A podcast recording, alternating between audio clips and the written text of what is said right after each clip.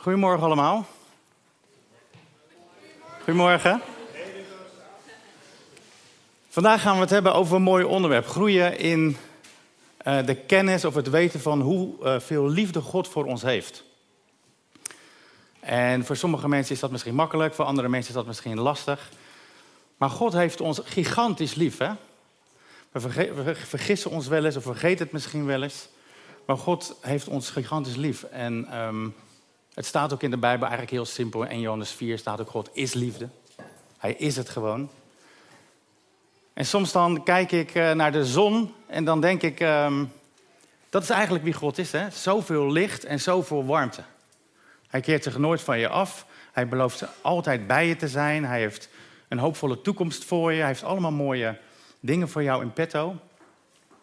En toch, als we nadenken over Gods liefde, dan zijn er allerlei dingen, obstakels, die er op de weg kunnen liggen om zijn liefde echt volledig te zien zoals God is. En een van die dingen is bijvoorbeeld als je verhalen in de Bijbel leest waarvan je denkt, hmm, daar kan ik niet zo goed mee overweg. Bijvoorbeeld eh, de zondvloed, of misschien dingen uit de openbaring, of misschien dingen in de tijd van het volk Israël. En dat staat dan in de weg en dan kun je Gods liefde niet volledig grijpen. Ik denk ook dat um, persoonlijke dingen in je leven in de weg kunnen staan. Dat er dingen gebeurd zijn waarvan je denkt van ja, als God liefde was, als hij mij echt, echt zo lief heeft, dan had dat of dat waarschijnlijk niet gebeurd.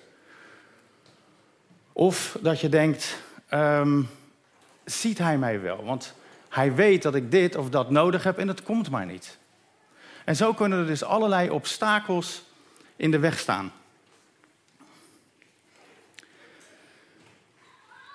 En dat is vervelend, dat is naar. Waarom? Omdat als je echt wil gaan wandelen met God, als je echt wil groeien naar het beeld van Jezus, als je al die dingen die God voor jou heeft, ook echt in ontvangst kan nemen, zodat je van binnenuit verandert en zo, dan is daar eigenlijk wel een voorwaarde voor dat je ziet hoe liefdevol Hij is. Anders zul je altijd twijfelen en dan zul je misschien altijd maar schoorvoetend mee kunnen lopen.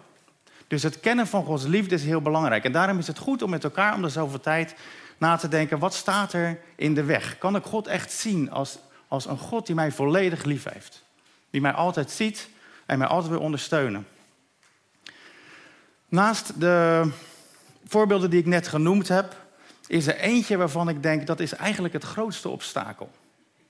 Het grootste obstakel voor jou om te zien hoeveel God van jou houdt of hoe groot Gods liefde is voor ons. En dat is de wet. Wat een vervelend woord, hè? als je het woord alleen al uitspreekt. Dan denk je, ah nee, laten we het gewoon blijven hebben over Gods liefde. Veel leuker. De wet. Maar dit is iets wat, wat ons vaak in de weg staat. En ik denk dat er hier in de gemeente ook, maar ik denk voor elke christen misschien wel uh, een fase is geweest, of nog steeds, waarvan je denkt: ik moet het op een bepaalde manier doen om Gods liefde te verdienen. Ergens lijkt dat er wel een beetje in te sluipen. En als je je bewust bent van Gods liefde, dan zou je misschien denken: ja, ik moet me wel zo en zo gedragen, ik moet wel dit en dat doen om die liefde van God te behouden. En zo geeft dat ergens altijd een bepaalde beklemming. Geeft dat ergens een bepaalde, in plaats van een open, blije houding, geeft dat misschien een bepaalde krompendheid. En dat is iets wat, wat God niet voor ons wil natuurlijk. Hij wil dat we zijn liefde volledig zien. En daarom is het goed om daarbij stil te staan. Ik heb al een keer over dit onderwerp gesproken, het groeien in de kennis van God. En toen ging het vooral over de dingen die God wel van ons, over ons zegt. Hè? Dus waarvan we wel, waar we wel op kunnen staan. Zoals God heeft een hoopvolle toekomst voor je. Hij heeft werken voor je voorbereid. Um, uh, Jezus zegt natuurlijk, ik ben gekomen om leven te geven. Ik ben gekomen om overvloed te geven. Toen hebben we bij de Bijbel stilgestaan en alle dingen die daarin staan over Gods liefde. Maar vandaag willen we dus stilstaan bij welke plek dat die wet nog in ons leven is. En wat dat precies betekent, de wet. Waarom is die gegeven? Wanneer is die gekomen? Wat moeten wij daarmee? Want God wil, en dat is de indruk die ik had bij het voorbereiden van deze preek, dat God echt zegt, ik wil dat mijn kerk vrij is. Ik heb echt de indruk dat God zegt, ik wil dat Vineyard Utrecht vrij is. Amen. Eén amen. Great. Maar zo is het. En we mogen helemaal. Stel je eens voor wat het is om volledig vrij te voelen. zonder dat je het idee hebt dat er iemand over je schouder meekijkt. die eigenlijk zegt van je doet het goed of je doet het niet goed. Volledige vrijheid. Nou, wat ga ik doen? Het is best een beetje een soort. Uh, ja, het lijkt bijna wel een beetje college, want ik ga een paar dingen doen. Ik ga kijken naar de periode van voor de wet. Wat gebeurde er toen? Wat de periode van tijdens de wet, want de wet is op een gegeven moment aan Israël gegeven natuurlijk. En dan een periode waar we nu in leven, de periode na de wet. Dus bij elkaar duurt het wel toch gewoon dikke tien minuten. Probeer ik de hele wereldgeschiedenis even. Dus het kan zijn dat ik her en der wat mis. En dat je denkt, volgens mij ga je een klein beetje kort door de bocht. Dat zou zomaar kunnen. Maar ik denk dat er een aantal goede punten in zitten. Dus uh, zijn we er klaar voor? We beginnen dus met de periode voor de wet.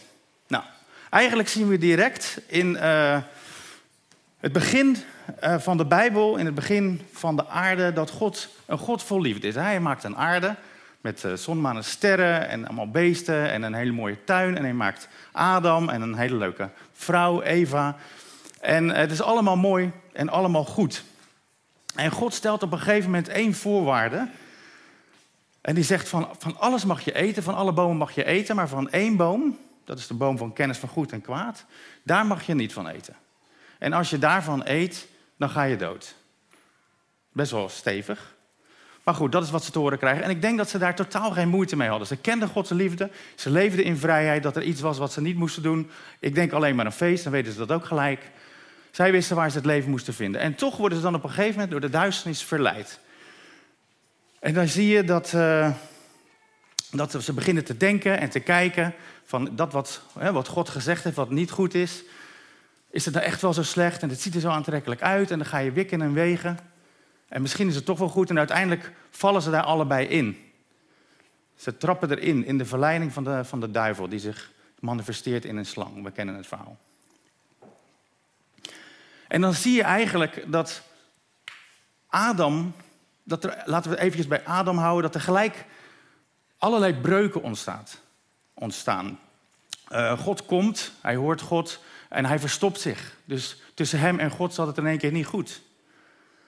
En als hij naar zichzelf kijkt, dan vindt hij dat hij zichzelf eigenlijk niet helemaal goed vindt. Hij schaamt zich. En als je naar Eva kijkt en er is een gesprek over hoe dat allemaal zo gekomen is, dan zegt hij: Het was Eva. Eva is begonnen. En ontstaat er ook een breuk tussen hem en haar. Dus dan zie je eigenlijk dat op het moment dat wij dingen gaan doen waarvan God zegt dat is niet goed, dat is niet wat ik voor je wil, dat er een, een breuk ontstaat op allerlei vlakken in het leven. En het erg is, en dat is dan ook even de conclusie zeg maar, van dit eerste gedeelte. Um, de mens kreeg een dode natuur, want de staat, God heeft gezegd van als je daarvan eet zul je sterven. En dan zul je zeggen nee, dat is toch niet zo, want ze leven toch nog, ze krijgen nog kinderen en alles, ze gaat nog allemaal door. Maar op dat moment sterven ze. En dat zie je dus bij Adam, waarbij allerlei breuken ontstaan tussen God, met zichzelf en met Eva. En eigenlijk krijgen ze op dit moment, zo spreekt de Bijbel erover, een dode natuur. Of ze gaan dood. Ze worden geestelijk dood. En ze worden volkomen zelfgericht. Dat is heel heftig, hè? Om dat zo zwart-wit te zien. Maar zo staat het er wel. En als we straks een stukje verder zijn, dan zie je ook dat Jezus daar eigenlijk precies hetzelfde over zegt. En Paulus ook. Dat we op dat moment, vanaf dat moment, was de mensheid dood. Een dode natuur, niet meer een natuur waarbij je gericht bent om God te eren en te danken voor alles wat hij gegeven heeft. Of de mensen om je heen uh, te eren en in bloei te zetten waar je kan. Maar vooral alles op jezelf gericht. Wat gebeurt er met mij? Hoe word ik rijker en hoe word ik beter? Een dode natuur. En je ziet dat het daarna dus eigenlijk ook vrij slecht gaat met de wereld. Het duurt, het duurt een jaar of 15, 1600 uh, en dan kijkt God naar de aarde en dan zegt hij, um, of dan ziet hij dat de aarde vol was van geweld.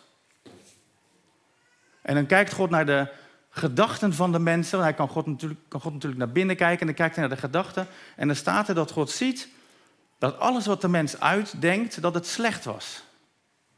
Dat zijn heftige dingen om te lezen. Maar daar was het op een gegeven moment toe gekomen. Een leven vanuit zo'n dode natuur, ja, eigenlijk gaat het nergens naartoe. God wil allerlei mensen ondersteunen. Dat zien we natuurlijk ook bij Noach en bij Henoch en bij Abraham. En het is niet dat je verloren bent, maar de natuur, het is niet goed voor de mens.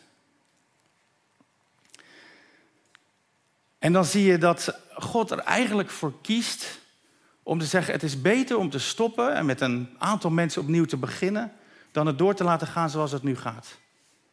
Het is eigenlijk dat God zegt, ik trek de stekker eruit. Het is beter dat ik stop. En dan hebben we het dus over de zondvloed. Het is beter dat God, hè, als God zegt, het is beter dat ik stop...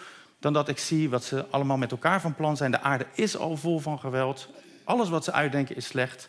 En het wordt alsmaar slechter. Dus God trekt eigenlijk aan de noodrem en gaat met Noach verder. Maar dit is dus de conclusie. Dat is goed om eventjes van onszelf te weten.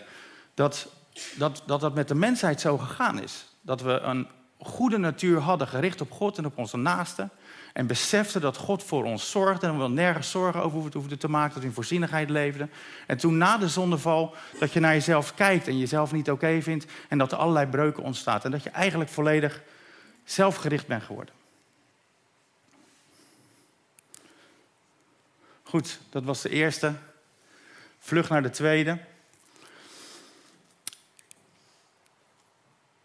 Tweede periode is dat God eigenlijk zegt van hier moet ik wat aan doen. Als ik een beetje zo voor God mag spreken, hier moet ik wat aan doen.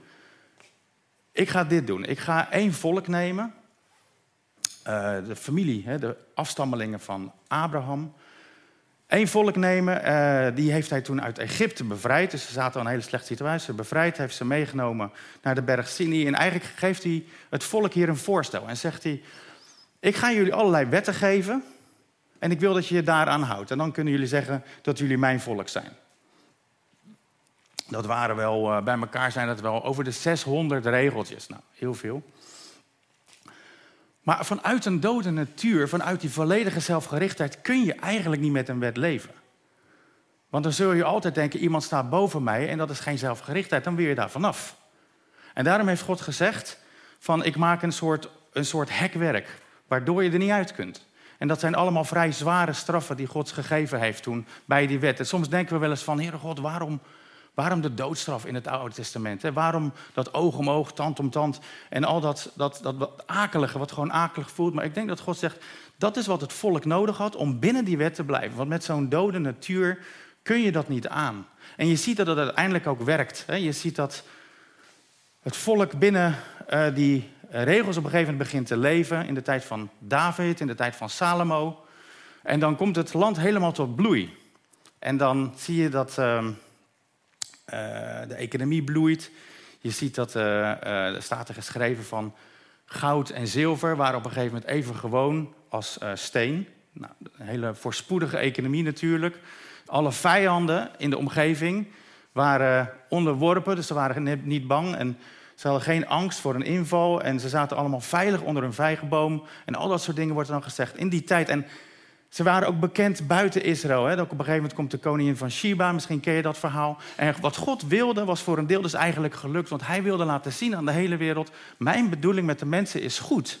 Ik wil jullie leven geven, ik wil jullie vrijheid geven, ik wil jullie rijkdom geven. En binnen deze kaders, hè, dat God die, al die wetten heeft gegeven, die allemaal goed waren. Hè, niet stelen, niet liegen, noem alles maar op. Maar met zo'n omheining van die straffen, ze konden er niet uit, zag je dat het ook werkte. En de bedoeling was dat de hele wereld zou zien van, hé, hey, die God van Abraham, die God van Israël, daar willen wij achteraan. En dat was Gods bedoeling. Paulus uh, schrijft erover in Galaten 3. Daar zegt hij, voordat het geloof kwam, het geloof in Jezus, werden wij door de wet bewaakt, als gevangenen opgesloten. En dat is dat hekwerk eigenlijk van die van die vervelende straffen waarbinnen het volk van Israël moest blijven om tot voorspoed te komen. Ik hoop dat je, als je dit zo hoort, ook een beetje gaat zien van waarom die wetten allemaal gegeven zijn en waarom dat eigenlijk gewoon niet werkt bij de mens en dat die straffen daar toen voor nodig waren.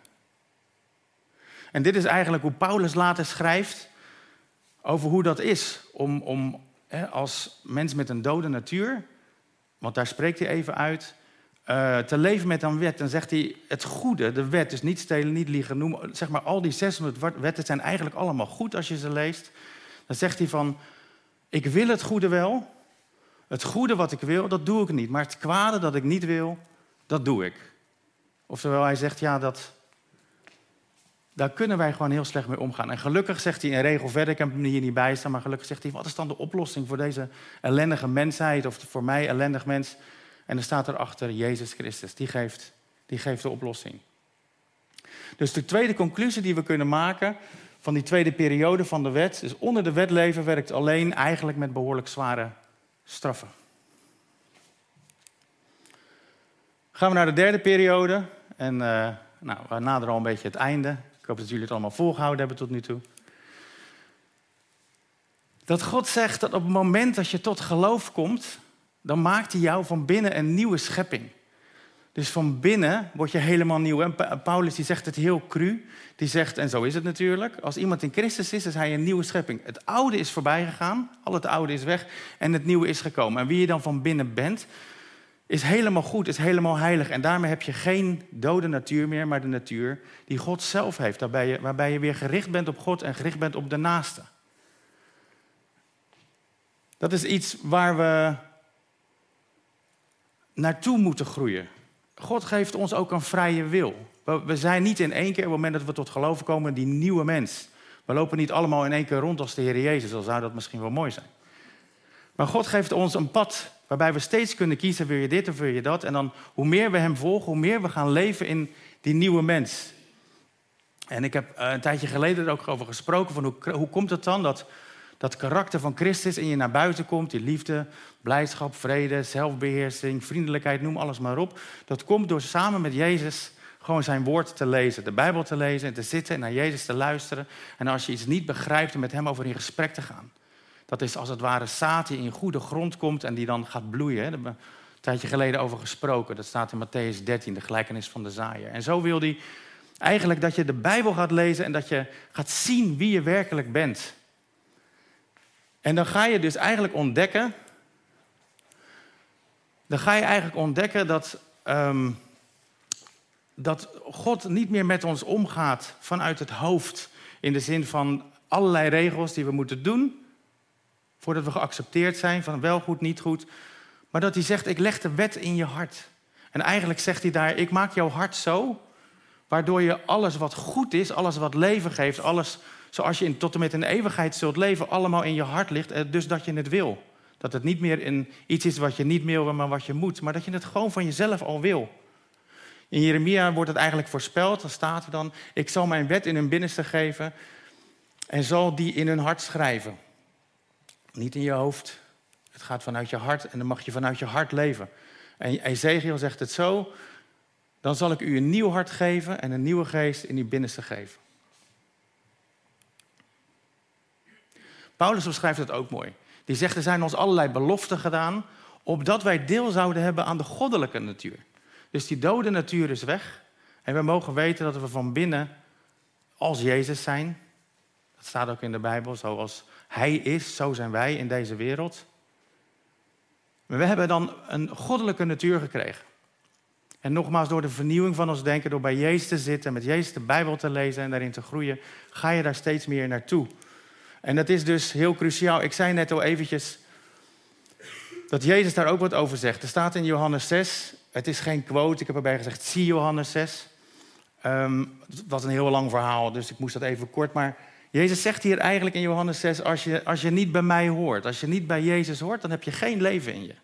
Best wel cruciaal, hè? best wel zwart-wit, maar dit is hoe Jezus het zelf stelt. Die oude natuur is weg, maar als je deel hebt aan het koninkrijk van Jezus, dan heb je leven en daar mag je vanuit, vanuit je hart in gaan leven. Paulus zegt het zo in Efeze 2. God heeft u die dood was, u die dood was, levend gemaakt. En in Galaten 4 legt Paulus het nog eh, op een andere manier uit. Hij zegt van, kijk, eigenlijk was het, hij probeert het zeg maar ook zo uit te leggen. Eigenlijk zegt hij, toen jullie onder de wet leven, zegt hij dan tegen de Joden, kun je jezelf vergelijken met een kind van misschien een jaar of vijf. Een onmondig kind, schrijft hij dan in gelaten 4. En wat, wat krijgt een kind te horen? Een kind krijgt te horen van, uh, luister, als je je schoenen aantrekt, dan moeten je veters vast. Ja, als je naar buiten gaat en het is koud, dan moet je een jas aan. En als je gaat slapen s'avonds, dan moet je je tanden poetsen. Eerst. En als je wil groeien, dan moet je je huiswerk maken. En het is allemaal moed, moed, moed. En elk kind zal denken, uh, dat wil ik niet. Ik wil het zelf bepalen en alles. Maar het is allemaal leven, maar het is allemaal een moeten. En zo was het in het Oude Testament. En als je er niet naar luisterde als kind, ja, dan kreeg je ook een soort van straf om het te laten werken. Maar Paulus zegt ook, als je een ouder kind wordt, laten we zeggen dat je 20, 25 bent, dan, dan heb je geen ouders meer die tegen je zeggen van, hé, hey, maak je fetus vast. Je vindt het zelf namelijk super fijn als ze vastzitten. Je ouders zeggen ook niet meer tegen jou, je moet je tanden poetsen, want het is echt super fijn als je gewoon je adem een beetje normaal is. Je ouders zeggen ook niet meer, je moet, je moet leren, want je vindt het leuk om te ontwikkelen en een cursus te doen en te gaan studeren enzovoort. Dus al die dingen waar je als kind eigenlijk een beetje tegenop zag, van dat moet allemaal en dat wil ik eigenlijk helemaal niet. Dan ben je als volwassene, denk je van wauw, al die dingen die wil ik vanuit mijn hart. Het is niet meer een moeten. En zo is het eigenlijk het verschil tussen het Oude Testament, het leven onder de regels, onder de wet, is het verschil nu dat we als, eigenlijk als ouderen als een mondig kind of als een volwassen kind um, leven vanuit ons hart zoals we het zelf willen.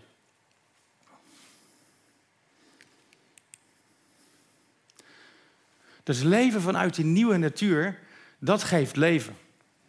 En daar mogen we dus allemaal naartoe groeien. Je mag weten dat je van binnen als Jezus bent. Dat is ook eigenlijk een hele heftige uitspraak. Hè?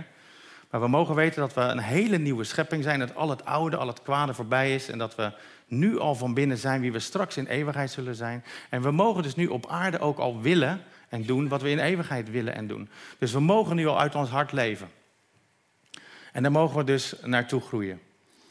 Dus dat is eigenlijk uh, ja, wat ik mee wilde geven vanmorgen. Van leer te leven vanuit je nieuwe hart. Want als je vanuit je nieuwe hart leeft, die één is met Jezus, dan zijn er geen regels meer. Dan leef je vanuit liefde. En dan heb je geen straffen of, of regels meer nodig om volledig tot leven te komen. En zolang je nog. Um, zolang je dat nog niet doet, want het duurt natuurlijk wel even voordat je helemaal vanuit de nieuwe natuur leeft. Denk dan, denk dan nooit, ik ben niet goed genoeg. Want ik hoop dat ik een beetje duidelijk ben geweest over dat God die wet gegeven heeft met een bepaalde reden. Om de mensen tot leven te brengen. En eigenlijk moet ik er nog bij zeggen dat God hoopte dat de mensen zouden zien van oké, met die straffen, we kunnen ertussen leven, maar eerlijk gezegd kunnen wij gewoon niet heilig leven. En wilt u ons redden? Wilt u ons herstellen? Dat was Gods grootste wens. En daar zegt hij op ja. Ik wil je redden. Ik wil alles voor je doen. Je mag volledig uit genade leven. Het is niet Gods bedoeling dat we netjes leven binnen een aantal regels. Ik denk dat het hem ergens helemaal niet zo interesseert. Ja, natuurlijk. Ouders vinden het niet fijn als hun kinderen dingen doen waarvan je weet het beschadigt hen. Maar God wil dat we leven vanuit, vanuit liefde en vanuit vrijheid, zoals elke ouder dat voor elk kind zou willen. Dus besef, besef dan als je het idee van ik doe het niet helemaal goed, dat dat Gods nooit Gods bedoeling is geweest. Want we leven dus in genade. Niet alleen genade dat als je dingen verkeerd doet, dat God zegt van genade, ik vergeef je. Dat is natuurlijk fijn iedere keer bij wijze van spreken, maar daar gaat het God eigenlijk niet om. God zegt eigenlijk, besef nou dat je in genade leeft. En dat alles wat je goed doet en alles wat je fout doet, dat me dat helemaal niet zo interesseert. Het gaat erom dat je met mij wandelt, dat je met mij leeft. Net zoals Adam en Eva dat deden in de Hof van Eden. Waarbij God in de avond koelte bij hen kwam en gewoon relatie met hen had, vriendschap met hen had, van hem leerde. Dat is wat God voor ons wil. En God heeft al zijn liefde gegeven. Dat staat een beetje cryptisch dat, dat hij zijn liefde in ons hart heeft uitgegoten. Maar God heeft jou volledig lief. En hij wil dat je dat beseft. Hij wil dat je niet binnen regels leeft, maar dat je weet dat hij jou ontzettend lief heeft en plannen met jou heeft en eh, het altijd het beste met jou voor heeft. Gods liefde is volmaakt van jou. God heeft jou geroepen om volledig vrij te leven. En dat is dus ook de indruk die ik had um, toen ik hiermee bezig was. Ik had eerst de indruk dat God zegt: Ik vind het zo belangrijk dat de gemeente ziet wie ik werkelijk ben. En daarna had ik de indruk dat God, uh, dat God zei: ik wil dat, ik wil dat mijn kerk vrij is.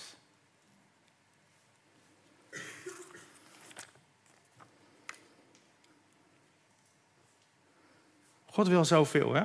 God wil dat je vrij bent. God, als je kijkt naar het leven van Jezus, op, hè, zoals hij het beeld van God was toen Jezus hier op aarde was. God wil dat je gezond bent. God wil dat je vrij bent van kwellingen. God wil dat je je geen zorgen hoeft te maken. God wil dat je een leven leeft zonder angst.